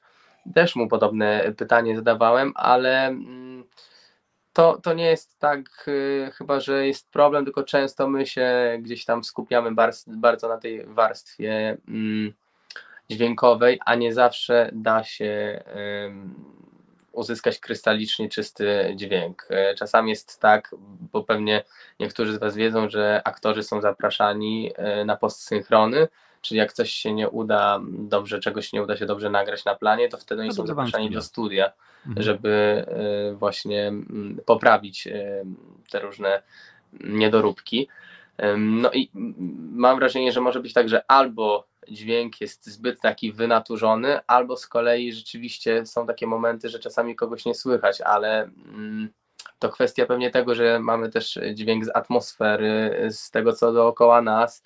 No i, i chyba wtedy wolałbym nie słyszeć y, sztucznego głosu ze studia, tylko jednak co może być rozwiązaniem tego typu? No można sobie odpalić ewentualnie napisy i, i można pożartować, że czasami rzeczywiście w polskich filmach by się nawet przydały napisy, ale to jest y, pytanie, y, na które y, myślę, że każda osoba będzie mogła mieć inną odpowiedź. Dźwiękowcy czy właśnie operatorzy dźwięku. Myślę, że też tutaj mogą być podzieleni. Ja przyznam szczerze, że musiałbym sobie odświeżyć tę rozmowę, bo przy, przy tym, jak się robi rocznie kilkaset czy nawet tysiące różnych rozmów, wywiadów, to ja też nie jestem w stanie wszystkiego pamiętać, ale wiem, że mm, ten program akurat to było takie kompendium wiedzy na temat różnych zawodów i że tam nawet Radek Ochnio gdzieś tam mi tłumaczył, z czego może to tak wynikać, ale przyznam szczerze, że e, nie jestem w stanie teraz tak e, dokładnie mm, tego opisać i odpowiedzieć tutaj na pytanie e, Orlando, ale postaram się znaleźć odpowiedź i, i wrócić do tej rozmowy i, i dać znać, jak on to przynajmniej, jeden z najlepszych polskich dźwiękowców e, opisał, jak on mi odpowiedział na to pytanie. Nie ma problemu, bo ja akurat tutaj mogę się spokojnie podłączyć pod Ormando, jeżeli przypomnę sobie chociażby no, filmy Władysława Pasikowskiego, Operacja Samum, Demony Wojny, Wojny Wedogoi, ja wiem, że to już było kilka ładnych lat temu, ale to usłyszeć, wróć, zrozumieć, co aktorzy tam mówią, to masakra, no wiesz, już nie mówię o samej dykcji, bo ja wiem, że mam po prostu, ja mam rewelacyjną dykcję, po prostu jestem w top 5 y, od dołu oczywiście w Polsce, ale y, sama kwestia no, usłyszenia tego była rzeczywiście y, masakryczna. No, ja Ciebie cały czas dobrze słyszę, więc jesteś zbyt krytyczny wobec siebie. Halo, co mówisz? Halo. Dobre, dobre, dobre. nie ma problemu. Słuchaj, takie pytanie trochę podchwytliwe, no i zarazem trudne mi się wydaje od, od Adasia, od, od wspierającego. Pozdrawiam Adaś. Czy zawód aktora jest. Czy zawód halo? aktora jest łatwy? Halo, halo. Dobre, widzicie jak się potrafi odbyć? Piękna riposta, elegancko normalnie. Słuchaj, czy zawód aktora jest łatwy? Trudne pytanie, no i łatwe chyba też, ale nie, no zobaczymy, jak wybrniesz. No myślę, że poniekąd sobie cały czas y, gdzieś tutaj o tym rozmawiamy, bo mhm. trudne na pewno jest to, że nie można być przyzwyczajonym do tego, że ma się cały czas pracę, a jednak chyba gdzieś tam większość osób, y, jak mówi się, o, masz normalną pracę, normalną, czyli taką, że od poniedziałku do piątku powiedzmy od tej 8 do 16 pracujesz i, i to jest y, i co miesiąc dostajesz pensję. Tutaj to może być trudne, że możesz mieć raz E, plan zdjęciowy jednodniowy, który rzeczywiście sprawi, że w portfelu pojawi się kilka tysięcy więcej, ale może być też tak, że będziesz miał w ciągu miesiąca mm, dwa dni zdjęciowe w serialu i to e, nie starczy na to, żeby się e, utrzymać finansowo. I mam mhm. znajomych, którzy prowadzą jakieś zajęcia aktorskie, którzy też pracują w zupełnie innych branżach, albo będąc na planie zdjęciowym, mając dużo czasu, e, mają ze sobą komputery i jeden z, z moich kolegów to w ogóle też e, zajmuje się programowaniem. I się zdziwiłem mm. kiedyś, mówię, co ty robisz na tym planie zdjęciowym? No wiesz, ja sobie tutaj programuję i tak dalej. Mówię, a można, można. No, więc y, to jest na pewno trudne w zawodzie aktora, że nie może nigdy być pewnym tego, że będzie się miało pracę a co jest y, łatwe. Co jest łatwe, może nie tyle łatwe, ale przyjemne, to że no to chyba marzenie wielu osób z dzieciństwa, y, żeby być raz policjantem, raz lekarzem, raz złodziejem i to jest fajne, że można próbować gdzieś tam w sobie odnaleźć te różne stany, te różne emocje, a potem zobaczyć efekt tego na ekranie. No i przede wszystkim przy tym cały czas być w takim procesie twórczym, gdzieś tam poszerzać nasze horyzonty, wyobraźnię, czerpać od ludzi, e, widzieć gdzieś tam też swój taki proces rozwoju. Mhm. I myślę, że, że, że to jest akurat to, co daje taką szansę spojrzenia na ten zawód e, optymistycznie, no a, a z kolei kwestie e, finansowe i kwestie czekania i oczekiwania wszelkiego to jest coś, co sprawia, że można powiedzieć, że to trudny zawód. Zgadza się, to czasami jest zadzwonią czy nie zadzwonią, zadzwonią czy nie zadzwonią. Kurczę, trzeba zapłacić za prąd, a oni nie dzwonią normalnie. Masakrycznie. I wtedy, i wtedy świeczka, no i trzeba czytać scenariusze przy świeczce. A, a, a powiedz mi, trzy zawody masz, y, dziennikarz, konferencjer, aktor, który z nich y, daje ci w tym momencie najwięcej satysfakcji? Z którym masz najwięcej, najwięcej uciechy? No, na pewno jak jestem na planie zdjęciowym, to nie jest to tak częste jak w pracy dziennikarskiej i zawsze mam takie poczucie, e, albo nawet po takim fajnym castingu, wow, ale to było super, e, bo rzeczywiście poczułem, że jestem tą postacią. E, fajnie było pograć, bardzo szybko mi minął czas, że tak naprawdę traci się poczucie czasu na planie, kiedy się nie czeka. To jest na tyle intensywna i interesująca praca, że od tak może minąć kilka godzin. I to mhm. jest, można powiedzieć, że w takiej pracy dziennikarskiej, którą mam najczęściej, to jest super urozmaicenie i też y, jak ktoś mnie pyta, czy wolę aktorstwo, czy dziennikarstwo, gdyby się pojawiła szansa, żebym na przykład grał w jakimś serialu czy w jakimś filmie przez kilkanaście, kilkadziesiąt dni zdjęciowych, to ja chętnie na jakiś czas porzucę te działania dziennikarskie, żeby bardziej się oddać temu. E, mhm. Natomiast mhm. dziennikarstwo to jest coś, co chyba z, z tym najszybciej zacząłem działać i co mi pozwoliło podróżować tak naprawdę po całym świecie dosłownie i, i, próbowałem swoich sił i w radiu, i w telewizji, i w internecie i to jest na pewno taki zawód, który cały czas mi się nie nudzi. E, I, i, I tak naprawdę chyba dlatego też łączę, e, bo konferencjer to jest myślę, że taka trochę odnoga e, zawodu dziennikarza, ale też poniekąd aktora. Mhm. I wydaje mi się, że dlatego to łączę, bo trudno mi jest z czegokolwiek zrezygnować. Choć mówi się, że nie warto ciągnąć stu srok za ogon, to zastanawiam się, czy trochę nie dożyliśmy takich czasów, gdzie e, na przykład u nas się mówiło już w pewnym momencie na studiach, że dziennikarz musi być taki multizadaniowy, tak? Ten słynny multitasking. E, chyba w ogóle już w życiu musimy być tacy multizadaniowi. Dlatego też e, mi jest ciężko się na jedno zdecydować, a wiem, że też ta dywersyfikacja źródeł dochodu to jest też bardzo istotne w tych czasach, czyli mhm. żeby też umieć korzystać z różnych szans, które nam daje życie, I, I ja w ten sposób działam na ten moment. Aczkolwiek jak byłaby szansa chętnie mm, zrobienia na przykład jakiegoś albo programu w telewizji, który mnie by bardzo pochłonął, albo z kolei dużej, fajnej roli, oddaję się w pełni i, i, i albo zrobienia turnę, y, gdzie bym prowadził najlepsze jakieś imprezy w Polsce czy w Europie, pewnie, bardzo, bardzo mhm. chętnie.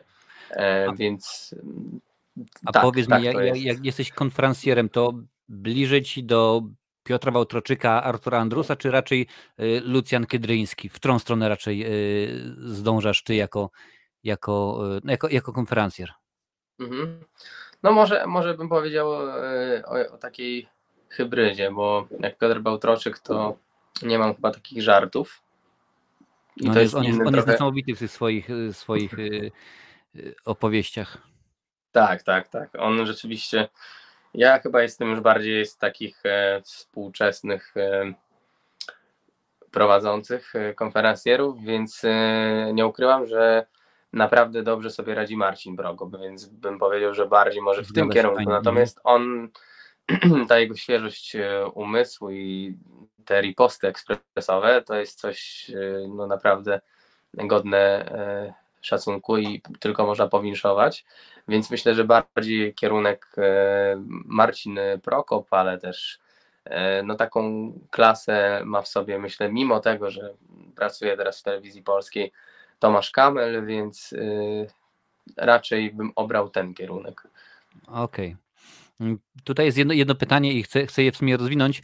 Jakiś czas temu Maciej Sztur powiedział, to był okres, kiedy on grał właśnie w Fuksie, w Chłopaki nie płaczą i mówi, ja już bodajże od pięciu czy od siedmiu lat gram albo maturzystę, albo studenta pierwszego roku i ja mam dość tych roli. Ja bym chciał rzeczywiście coś innego. Ja bym chciał zadać, zagrać no, niestety nie mogę powiedzieć, e, co on powiedział, bo zaraz algorytmy YouTube nas zbanują, ale mówi, że chciałby zagrać rolę najlepiej jakiegoś psychola, najlepiej e, takiego, który za bardzo lubi dzieci, jeżeli tak mogę to e, ująć. I tutaj właśnie jest pytanie od, od e, Lancela. Czy zagrałbyś typowego bad guy'a? Czy chciałbyś spróbować takiej roli? Mateusz Damiński przykładowo kojarzy się z rolą Amanta, a w Furiozie zagrał Kibola, Golden, Łysy, tatuaże i tak dalej. Maciej Sztur chciał Mhm. uciec od swojego tego amplua, rzeczywiście, no, student i w ogóle i tak dalej. Co ty byś powiedział? Czy na początek kariery, no bo jesteś na początku kariery tak naprawdę, to byłby dobry, dobry ruch dla ciebie? No myślę, że zwłaszcza jak jestem na początku kariery, no to się nie ma nad czym zastanawiać. Mhm. To jak jest jakiś fajny, duży, sensowny scenariusz, to jak najbardziej idę w to. E, jak robią to fajni ludzie. Mm, Natomiast to, o czym ty mówisz, to jest przykład dosyć znany z kina i tak było chociażby z Piotrem Adamczykiem, który zagrał papieża, a potem występował praktycznie w co drugiej polskiej komedii. Tak. Mm, No więc y, nie brakuje do Marvela. No, Nie, nie, nie, bro, rozumiesz? nie brakuje takich e, właśnie aktorów, e, którzy chcą też pokazać, że nie są w szufladzie i tak też z Weroniką Książkiewicz było, która z kolei grała w komediach, a Furioza jej dała szansę pokazania siebie z zupełnie innej strony. Janusz Więc, Gajos y, przez paru lata był Jankiem Kosem z Czterech Pancernych. No tak, a potem chociażby ten kontrowersyjny w Polsce Claire, tak, tutaj też rola już y, inna, Zgadza się. może nie zupełnie inna, ale inna na pewno i zaskakująca poniekąd. No więc y, myślę, że aktorzy nawet czekają na takie coś, czekają nawet Mhm. na taki moment, kiedy y, i, w- nawet to jest tak, że oni by chcieli y, takiej roli, bo mówię oni, bo ja musiałbym zacząć być w jakiejś szufladzie, żeby wtedy móc Mhm. pokazać, że chciałbym coś innego zrobić. Oni nawet czekają na taką szansę, ale to reżyserzy czy producenci boją się zaryzykować, bo jak ktoś e, do kogoś jest rzeczywiście taka łatka przyklejona, Mhm. że on jest aktorem komediowym, no to co jak na przykład mi sknoci film, sknoci scenariusz, e, co wtedy? No może to nie wyjdzie. To wezmę lepiej kogoś, kto rzeczywiście jest tym bad guyem, tym czarnym charakterem. Ale w przypadku Furiozy była e, to pewna ryzykowna sprawa, był to eksperyment, on się opłacił, bo hit i w kinach, i na platformach streamingowych, e, więc czasami warto zrobić taki krok. No widzisz, e, Maciej, Maciej Sztur w końcu dostał swoją rolę. Rola w pokłosiu rzeczywiście dosyć konkretnie pozamiatała wszelkiego rodzaju jego bycie studenciakiem, maturzystą i tak dalej, i tak dalej. Rzeczywiście poszło to w, w, innym, e, w innym kierunku. No ale to rzeczywiście było. Jeśli chodzi o mnie, to ja na przykład miałem Mhm. tak, że grając w Grudziądzu w teatrze, y, to miałem okularki, takie troszeczkę króciutkie, krótsze nieco włosy, ale a też taki lok y, jeszcze bardziej skręcony, że tak powiem, i grałem lamusów zawsze i tych, którym się dostawało, a potem jak zacząłem gdzieś tam się uczyć w warszawskiej szkole filmowej, wystąpiłem w jednej etiudzie, gdzie wcieliłem się w dresa, ktoś powiedział, o fajny y, ten chłopak z tego roku aktorstwa, weź mi daj na niego namiary, bo ja też jakiegoś takiego dresa poszukuję, więc od lamusa do dresa, to się może zmienić jak w kalejdoskopie. Piękna amplituda, naprawdę. Po prostu jest, jest, jest super. I tak skoro wspomniałeś tutaj o, o, o radiu, też właśnie Jurek pyta, jak wspominasz tą operację? Czy, czy dobrze czułeś się przed mikrofonem, czy mm, to było po prostu na zasadzie, ok, to jest mój etap, za chwilę wiem, że y, będzie coś więcej, będę dziennikarzem, ale może akurat niekoniecznie y, za mikrofonem y, w radio, tylko na przykład w telewizji, na Onecie na przykład. Nie, ja świetnie to wspominam i tak naprawdę zaczynając od Grudziąckiego Radia Internetowego, który był taką zabawą, mm, to miejsce było taką zabawą, potem zacząłem działać w Radiu Campus, e, jak przeprowadziłem się do Warszawy, to była moja pierwsza styczność z takim radiem na falach FM, e, radio, które ma zresztą świetną muzykę, jest e, stacją e, studencką, bo to jest akademickie Radio Campus, więc jest bardzo dużo tam studentów, Mm, jest bardzo fajna, luźna atmosfera, tam uczyłem się trochę tego rzemiosła. E, No i potem była grupa Euroz, e, w skład której wchodzi Meloradio, wcześniej to było jeszcze Radio Z Gold, e, więc pracowałem tam przez dwa lata, mm, potem przez cztery lata w Meloradiu i w trakcie też jeszcze robiłem materiały do Radia Mhm. Z. E, W tej grupie radiowej jest też Antyradio, czyli Z, e, Radio Plus. E, No i to było miejsce, w którym spędziłem 6 lat i bardzo dobrze to wspominam, bo tam też byłem i reporterem, i prowadziłem jakieś programy, i zdarzało mi się wydawać programy. I też nawet jak radio zaczęło się tak rozwijać, że już było też przede wszystkim w sieci, no to też i social mediami mm, zacząłem się Byłeś zajmować. może wróżką Także- Agatą? Raz, odczytującą tarota? Byłeś może wróżką Agatą odczytującą tarota na zasadzie... E, Nie, tak, tak nie, natomiast e, moim kolegą jest wróżbita Maciej, który e, prowadził programy w Radiu Z Gold i teraz prowadzi też w Meloradiu, także Maciej zdarzało się nieraz, że wróżył mi, szczególnie jak poszliśmy na jakąś imprezę, e, więc wtedy Wtedy to się on- on najlepiej bardzo- wróżyło, stary. on, on to bardzo lubi i, i czasami ja już y, nawet nie chciałem, żeby on mi dalej wróżył, bo tak leciał po bandzie. On nie mówi tylko miłych rzeczy, y, więc tak, tak, tak, tak rzeczywiście. Miałem styczność nie z wróżką Agatą, ale z, wróżk, z wróżbitą Maciejem w ten sposób. Więc ogółem radio, radio uważam, że jest super. Też wielu aktorów zresztą zaczynało od radia, czasami są takie przykłady w Meloradiu chociażby. Jarek Budnik, aktor, mm, pracuje od lat w radiu, prowadzi e, poranki, a jego żona nie jest e, ak- aktorką, ale no, zaczęła mm, współpracę już lata temu e, z Janną Koskrause też i była kobietą, która pracowała jako agentka, no a jest teraz jedną z topowych aktorek w kinie e, artystycznym, tak. E, znaczy, Wspomniałem o Jannie Koskrause, ale Mhm. powinienem też powiedzieć o jej mężu, no bo ona zaczęła grać w ich produkcjach i tak też się stało, że została jedną z najpopularniejszych polskich aktorek, Mhm. więc tutaj tak można powiedzieć, że przewrotnie. Z jednej strony aktor, który jest prezenterem, z drugiej strony e, jego żona, która nie jest aktorką, a jest aktorką, tak? Marcin Perchuć też był jednym Mhm. z moich gości, też zaczynał jako dziennikarz radiowy, e, także e, to, to jest w ogóle super szkoła i dla, dla każdej osoby, która nawet myśli o tym, żeby potem w telewizji pracować albo żeby być aktorem, e, to radio jest super, no bo musimy zacząć pracować nad naszym oddechem, musimy próbować przekazać to, co jest dla nas najistotniejsze tylko poprzez słowo, poprzez to, jak modulujemy głosem, poprzez to, czy wstrzymałem teraz na moment wypowiedź. Może Już ktoś zamarł.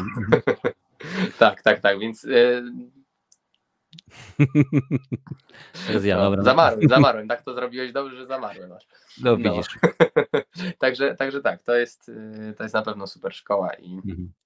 i do radia chętnie, chętnie jeszcze wrócę, natomiast jestem na etapie takim, że chciałem zawsze spróbować e, swoich sił w telewizji, e, chciałem też spróbować formę wideo, mówię tutaj o, o dziennikarstwie, więc dlatego Mhm. teraz zmierzam w tym kierunku.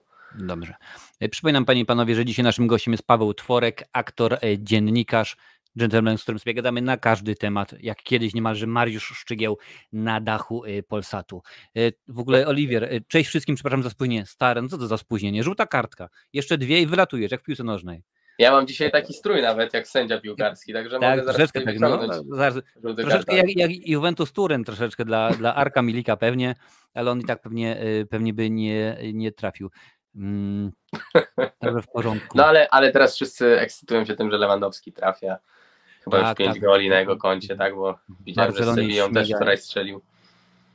Też właśnie oglądałem. Wiesz, to, to jest akurat zabawne, bo y, no, Irlandczycy kochają, kochają piłkę nożną, nienawidzą Brytyjczyków, ale kochają piłkę nożną. Jak zapytasz ich, e, twój ulubiony klub, a to Manchester United, Liverpool, no nie kochają Brytyjczyków, co nie? No i pytali się mnie, a ty jaki klub lubisz? Ja mówię, no to ja na przykład y, lubię Bayern Monachium, albo Lewandowski. Ja mówię, no nie, bo Olivier Kahn, co nie? A drugi klub, to ja mówię Barcelona. A czemu? No bo mi się podobał, jak grał Carles Puyol. Teraz jak powiem, że Barcelona, a bo Lewandowski. Ja mówię, no nie, bo Lewandowski, ale to jakoś tak rzeczywiście tak to, yy, tak to jest. Proszę bardzo, Lancel. Zdarzyło mi się słuchać Radia Campus, naprawdę w porządeczku, naprawdę spoko. No więc jakoś tak to. Yy, słuchajcie, dzisiaj panie panowie dla nas nie ma, nie ma tematów tabu. Widzicie, gadamy o pieniądzurach, gadamy o tym, którzy aktorzy są fani, a którzy nie, jak się gadało z Julią Wieniawą i tak dalej, i tak dalej. Więc akurat yy, czemu by, yy, czemu by Czemu by nie, panie i panowie?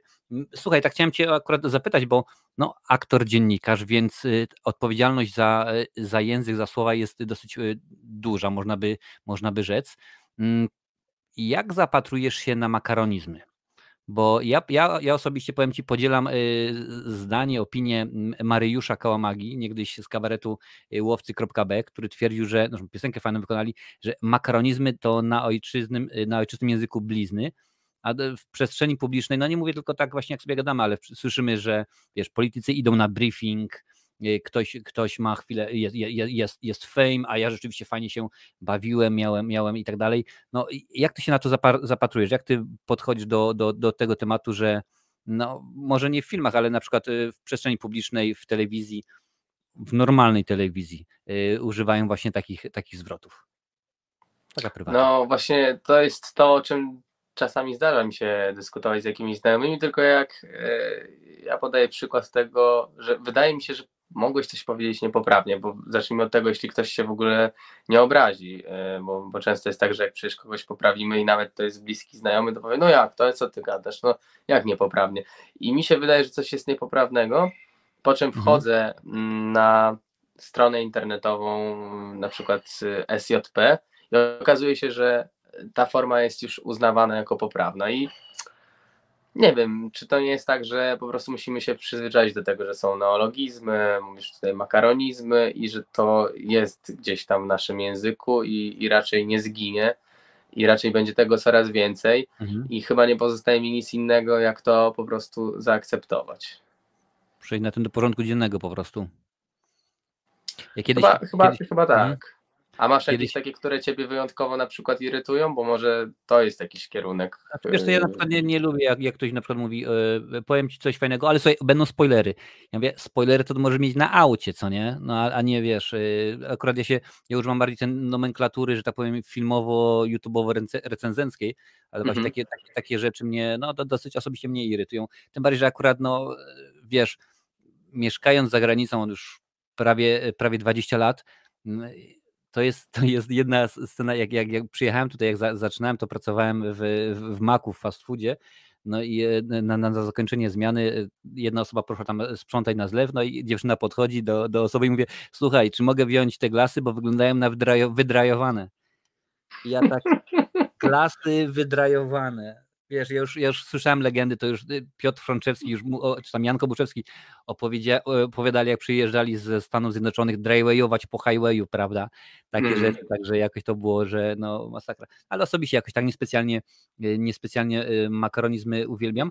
jest to pytanie... dosyć chyba nie? zabawne, no bo możemy sobie powiedzieć, jak chcemy dopiec, o, ty jesteś boomerem na przykład, ostatnio z jednym kolegą byłem na planie i i ja miałem trochę inne podejście, bo mówiłem o tym, że były takie momenty, że kiedyś rzeczywiście może było lepiej. On mówi, e, ty gadasz, kiedyś było lepiej, ty jesteś boomerem, kiedyś było tak samo, jak jest teraz, no więc e, raczej można używać mm, tych określeń, o których mówisz, e, jako takich form, żeby może sobie pożartować w ten sposób. Ale na co dzień, na co dzień nie, nie używam mm, tego typu e, słów. E, Wiem, że kiedyś miałem jeden z takich filmików, e, który stał się popularny akurat na TikToku. E, prowadziłem relację live e, i moim gościem, moją rozmówczynią była Aleksandra Popławska i jak to podczas relacji live słuchałem tego, co wydawca mówi mi do ucha i nie zauważyłem, że ona się ze mną żegna. No i ja myślałem, że to jest dosyć zabawne, po czym okazało się, że na TikToku wylała się pewna fala hejtu. To nagranie obejrzało 700 tysięcy osób Jak i ludzie pisali tam cały czas cringe pisali, oh my god, ale cringe i tak dalej. E, więc e, słowo cringe już mnie w pewnym momencie irytowało, e, mhm. ale ale to chyba jest nieuniknione, że, że tego typu słowa gdzieś tam się będą pojawiać i będą powstawać kolejne i będą, będziemy je zapożyczać e, z innych języków, szczególnie z angielskiego. E, mhm. więc tak, tak, tak. Boomer, cringe to są chyba takie ostatnio bardzo popularne słowa. Zgadza się. E, słuchaj, pytanie od Jędrzeja Jezierskiego. Kojarzysz Pozdrawiam Jędrzej. No, e, czy w następny weekend idziecie na browara? A Jędrzej słucha i ogląda. Jędrzej to jest mój kolega akurat z Warszawskiej Szkoły Filmowej. Bardzo dobrze sobie radzi. E, Jędrzej, pozdrawiam. Będziemy czekać e, na Koronę Królów e, Jagiellonowie, bo to jest produkcja, w której Jędrzej, z tego co wiem, ma kilkadziesiąt dni zdjęciowych, chyba że już ma ich więcej. O. Także zrobiłem Ci tu małą promocję, nie musisz dziękować. Tak, skoczymy w przyszłym tygodniu na Pub Crow. Słuchaj, no to w takim układzie, y, y, taki, skoro mamy taką osobę, uwaga teraz, to taki może taki głos insiderski z korony królów tutaj właśnie na kanał, może Jędrzej wbije, kiedyś pogadamy właśnie jak to tam y, wygląda, czy rzeczywiście ludzie się nabijają z tego serialu słusznie czy niesłusznie. Zobaczymy jak to, jak to będzie wyglądało. Zobaczmy, tutaj mam jeszcze, jeszcze pytanie od Lancla. Dzisiaj jesteś aktywny, Lancel, bardzo, bardzo mnie to cieszy. Czy uważasz, że jest coś jak nowa szkoła aktorstwa? Aktorstwo ewoluuje cały czas. Kiedyś grało się w moim odczuciu choćby w latach 90., teraz gra się inaczej. Jest to zauważalne. Na pewno jest tak, że w polskich szkołach aktorskich bardzo często w tych państwowych yy, korzysta się yy, z techniki Stanisławskiego Mhm. I to jest już trochę archaiczna forma, bo to jest taka forma, gdzie rzeczywiście bardzo pracujemy mm, na tych mm, emocjach, na tym, co jest wewnątrz nas. To jest taka ciężka forma, mm, bo w szkołach aktorskich e, uczą cię przygotować się w jakiś sposób do roli, ale nie uczą e, wyjścia z tej roli. I to jest w tej technice dosyć ciężkie, bo wracamy do takich trudnych wspomnień, jak chcemy na przykład coś ciężkiego zagrać. E, natomiast jak mówimy o jakichś nowych formach nauki aktorstwa, no to są mhm. i techniki Meisnera na przykład, jest też Lee Strasberg Studio, bardzo znana szkoła w Stanach, do której też jeździli chociażby polscy aktorzy, którzy gdzieś tam próbują swoich sił za granicą, więc to nie jest tak, że aktorstwo się też da uczyć tylko w jeden sposób. Jest wiele różnych e, opcji i jest e, wiele różnych technik, e, które mogą danego aktora otworzyć i mogą sprawić, że jemu się będzie lepiej grało, lepiej zapamiętywało tekst. Więc to cały czas ewoluuje, tak, mhm. zdecydowanie, ale mam wrażenie, że w szkołach aktorskich nie zawsze jest ta ewolucja widoczna i to mogę się chociażby odnieść też do książki Karoliny Korwin-Piotrowskiej, którą kończę czytać. E, wszyscy wiedzieli o nadużyciach wiedzieli. w szkołach państwowych, mm -hmm. gdzie rzeczywiście mm, książka wyszła w tym roku, niedawno, kilka miesięcy temu. Miało się coś zmienić po tym, jak Anna Paliga opublikowała post odnośnie tego, co się dzieje na zajęciach takich e, aktorskich w tychże szkołach, e, no ale wydaje się, że niewiele się e, zmieniło, więc póki nie nastąpi jakaś pewna rewolucja, no mhm. to, e, to też wydaje mi się, że nieważne jakiej techniki będą się tamtejsi studenci, jaką techniką będą uczyć się aktorstwa, no to nie będzie miało to większego znaczenia, no bo te osoby właśnie często opisywały, że były zestresowane, że w ogóle bały się otworzyć, bały się wejść na scenę, mhm. a to na pewno nie pomaga. I wydaje mi się, że to jest właśnie siła też e, szkół prywatnych, że tutaj nie ma takiej spiny, że jest większe pole do popisu. Ja przynajmniej mam, tak, mam takie odczucia, jeśli chodzi o warszawską szkołę filmową, że też e, tutaj się skupialiśmy rzeczywiście bardziej na filmie, dużo robiliśmy etiud z operatorami, z reżyserami e, i to okay. jest też ta siła akurat szkoły prywatnej w stosunku do szkoły państwowej ale no już żeby tutaj nie wprowadzać jakichś nie wiadomo jak długich dygresji, to e, można się uczyć aktorstwa korzystając z różnych technik, można też samemu znaleźć swój sposób na tę naukę i to cały czas ewoluuje. A powiedz mi, a tak trochę nawiązuję do Karoliny, y, czy ty spotkałeś się z, z mobbingiem, z tym właśnie o czym ona pisze w książce, czy, czy to ciebie dotknęło w, w szkole? Nie, nie, chyba nie mogę powiedzieć akurat, y, że mnie dotknęło, ale to też jest tak, y, jak widziałem jeden z wywiadów w książce Karoliny Korwin-Piotrowskiej z Piotrem Witkowskim. Myślę, że mhm. trochę też zależy od tego, jak bardzo mamy przesunięte granice, bo są osoby bardziej wrażliwe, a jak wiemy, do szkół trafiają osoby, które są prosto po liceum na przykład, mają 19-20 lat, a są też osoby, które już mają za sobą jakieś doświadczenia, Wydaje mi się, że w ogóle szkoła aktorska to powinno być takie miejsce, gdzie jednak idziemy mając już pewien bagaż doświadczeń, bo jak Zgadza jesteśmy się. takimi młodymi osobami, to często możemy się pogubić. No i, i, i znane są nam historie aktorów, którzy popadali w depresję, którzy ze sobą skończyli zbyt szybko, czy dołączyli do klubu 27. E, no więc y, wydaje mi się, że warto mieć pewien bagaż doświadczeń. W moim przypadku nie zdarzały się raczej takie sytuacje, żeby y, się działo coś takiego, co mógłbym nazwać mobbingiem. Natomiast w dziennikarstwie myślę, że mógłbym powiedzieć, że takie sytuacje miały miejsce. Natomiast Mhm. wspominałem o, tym, o tej granicy. Ja też wydaje mi się, że mam trochę grubszą skórę i, i że mam te granice dalej przesunięte, czyli ktoś jak rzuci do mnie na przykład jakimś tekstem czy jakimś przekleństwem, ja też tak tego do siebie nie biorę, bo no, to jest trochę też tak jak e, w tej książce chociażby możemy przeczytać e, coś, e, co może bardzo trafić i skrzywdzić jedną osobę, drugiej osoby praktycznie nie ruszy, więc dlatego niektórzy z tych opisywanych tam wykładowców mogą być dla pewnych osób tyranami, ale dla drugich mogą się okazać tymi, którzy wydobędą coś z nich, pomogą im aktorsko, bo ktoś mhm. na przykład potrzebuje bardziej fizycznego podejścia do tego, żeby musi poczuć na własnej skórze, na przykład trzeba go czasami popchnąć, dotknąć, żeby on wiedział, z jaką materią ma do czynienia. A dla kogoś innego ten dotyk może już sprawić, że naruszyłeś jego jakąś Prywatną. prywatną przestrzeń. Mhm. Tak, więc y, w moim przypadku, ale, ale to myślę, że też są różne doświadczenia, które się gdzieś tam zbiera ze szkoły, bo ja na przykład y, jak byłem młodszy, y, to też często mi się zdarzało, bo byłem nieco niższy od rówieśników i zdarzało mi się, że walczyłem o swoje więc y, uczestniczyłem w jakichś bójkach i, i w ten sposób. Po lekcjach, za szkołą. Tak, za szkołą. U nas były soczluby za maksem, więc Przybija piąteczkę. Piąteczka, high five.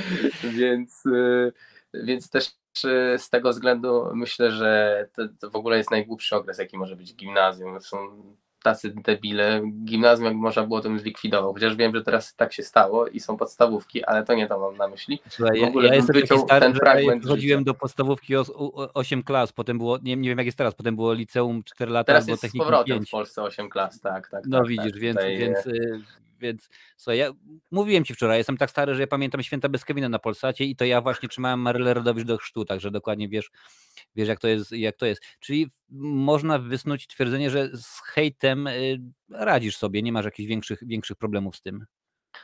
No, na szczęście jeszcze nie miałem do czynienia e, z tak z jakimś dużym hejtem. No, no to już Więc... bierzemy się do roboty. Dobra, wal, robimy robotę. Nie no, spoko, żartuję oczywiście. Naprawdę, no. Nie no, to, to dobrze, wiesz, no. Słuchaj, no to tak to jest właśnie, że starasz się, im, im bardziej się stajesz rozpoznawalny, no wiadomo, że y, mówiłeś skóra twardnieje. Oczywiście, że tak. Życie sobie płynie, spotkasz kogoś miłego, kogoś mniej bardziej mniej miłego. Ktoś powie, że jesteś fajny facet, inny powie, że jesteś palantem i w ogóle lamusem użyłeś słowa, słowa wcześniej. Więc jak najbardziej. Y, zgodzę się z tobą, że podobnie jak na przykład zostanie senatorem, trzeba skończyć pewien wiek. Również wydaje mi się, tak byłoby dobrze z aktorstwem, no bo w tym momencie możesz doświadczyć troszeczkę innych, innych rzeczy i pewne, pewien bagaż doświadczeń już, już y, masz. No, nie, nie powiem, że na przykład seniorzy, czyli osoby, które chciałyby iść na uniwersytet trzeciego wieku, to byliby rewelacyjni aktorzy, bo wiadomo, mają doświadczenia, aczkolwiek kiedyś zastanawiałem się, bo jest taki film Dzień Świstaka z Billem Murrayem, zresztą jeden z moich ulubionych filmów i e, on tam y, teoretycznie w tym, w tym dniu on żyje tam y, chyba kilka tysięcy lat, czy, jak, czy, kilka tysięcy dni i tam umiera na różne rodzaje sposoby, y, spotyka różne osoby i tak dalej. Mówię, pogadaj z takim facetem o doświadczeniu życiowym, no to po prostu nie masz podejścia. On cię zagnie w każdym aspekcie, nieważne jak to by byłoby. Także to było, musiałoby być y, coś, coś pięknego, coś niesamowitego. Słuchajcie, ludziska, jeżeli podobają Wam się takie odcinki, dajcie suba, włączcie, włączcie dzwonek z opcją wszystko a nie ominie was nic. Mm, słuchajcie, tak, taka reklama prywata. Za tydzień mamy dwa lata, dwa lata kanału, więc świętujemy, będziemy normalnie. Ja wiem, drogi algorytmie, że to jest herbatka. lat, 100 lat, niech żyje, żyje nam. Dokładnie. Ja wiem, drogi algorytmie, że to jest. Nam. Dziękuję bardzo, że to jest herbatka, ale za tydzień będzie herbatka również. Nie ma takiej opcji, więc wbijajcie, panie i panowie, będą, będą quizy, nagrody i tak dalej, i tak dalej. Mm, mam do ciebie jeszcze jedno pytanie, które tutaj właśnie y, wcześniej Lancel nawiązał i to właśnie jest y, pytanie, które Czyli jakiś, to już, jakiś pytanie na koniec, bo już myślałem, że teraz zmierzasz ku końcowi. Wisienka na torcie. Słuchaj, y, to pytanie zadałem wiele, wiele lat temu y, podczas prapremiery filmu Pułkownik Kwiatkowski, zadałem je Kazimierzowi Kucowi. Co prawda, no, wy, wy jesteście na innej, na in, w innym etapie kariery, bo on w tym momencie już wiadomo, wtedy był bardzo znany, ty nie. Ty póki co jeszcze, jeszcze nie, ale wiele osób ma jakieś takie marzenia na zasadzie, kurczę, ja to bym jednak u tego Smarzowskiego, ja bym chciał zagrać rzeczywiście, albo chciałbym, ażeby wyreżyserował mnie, wyreżyserował mnie Spielberg. I tutaj właśnie Lancel, y, y, Lancel y, pyta, skoro padło imię i nazwisko Jakuba Gierszała, filmem przełomowym według mnie świetnym jest film najlepszy. Idąc tym tropem, w jakim filmie byś chciał zagrać i kogo? Gatunek reżyser. Czyli moje pytanie, jakie jest twoje marzenie? U kogo byś chciał zagrać? Albo nawet inaczej, u boku którego aktora, której aktorki chciałbyś się pojawić na ekranie, nieważne, serial, teatr, telewizji, czy po prostu kino? No to ja myślę, że takim największym wyzwaniem, ale do tego trzeba jeszcze, myślę, dużo nauki, dużo doświadczenia. To byłaby taka rola, jaką zagrał Joaquin Phoenix e, w, no już dobrze wiemy wszyscy w jakim filmie, czyli w Jokerze. To, to by mhm. było naprawdę coś. I to uważam, zagrać to tak, jak on zagrał, to są wyżyny aktorstwa, więc, hmm.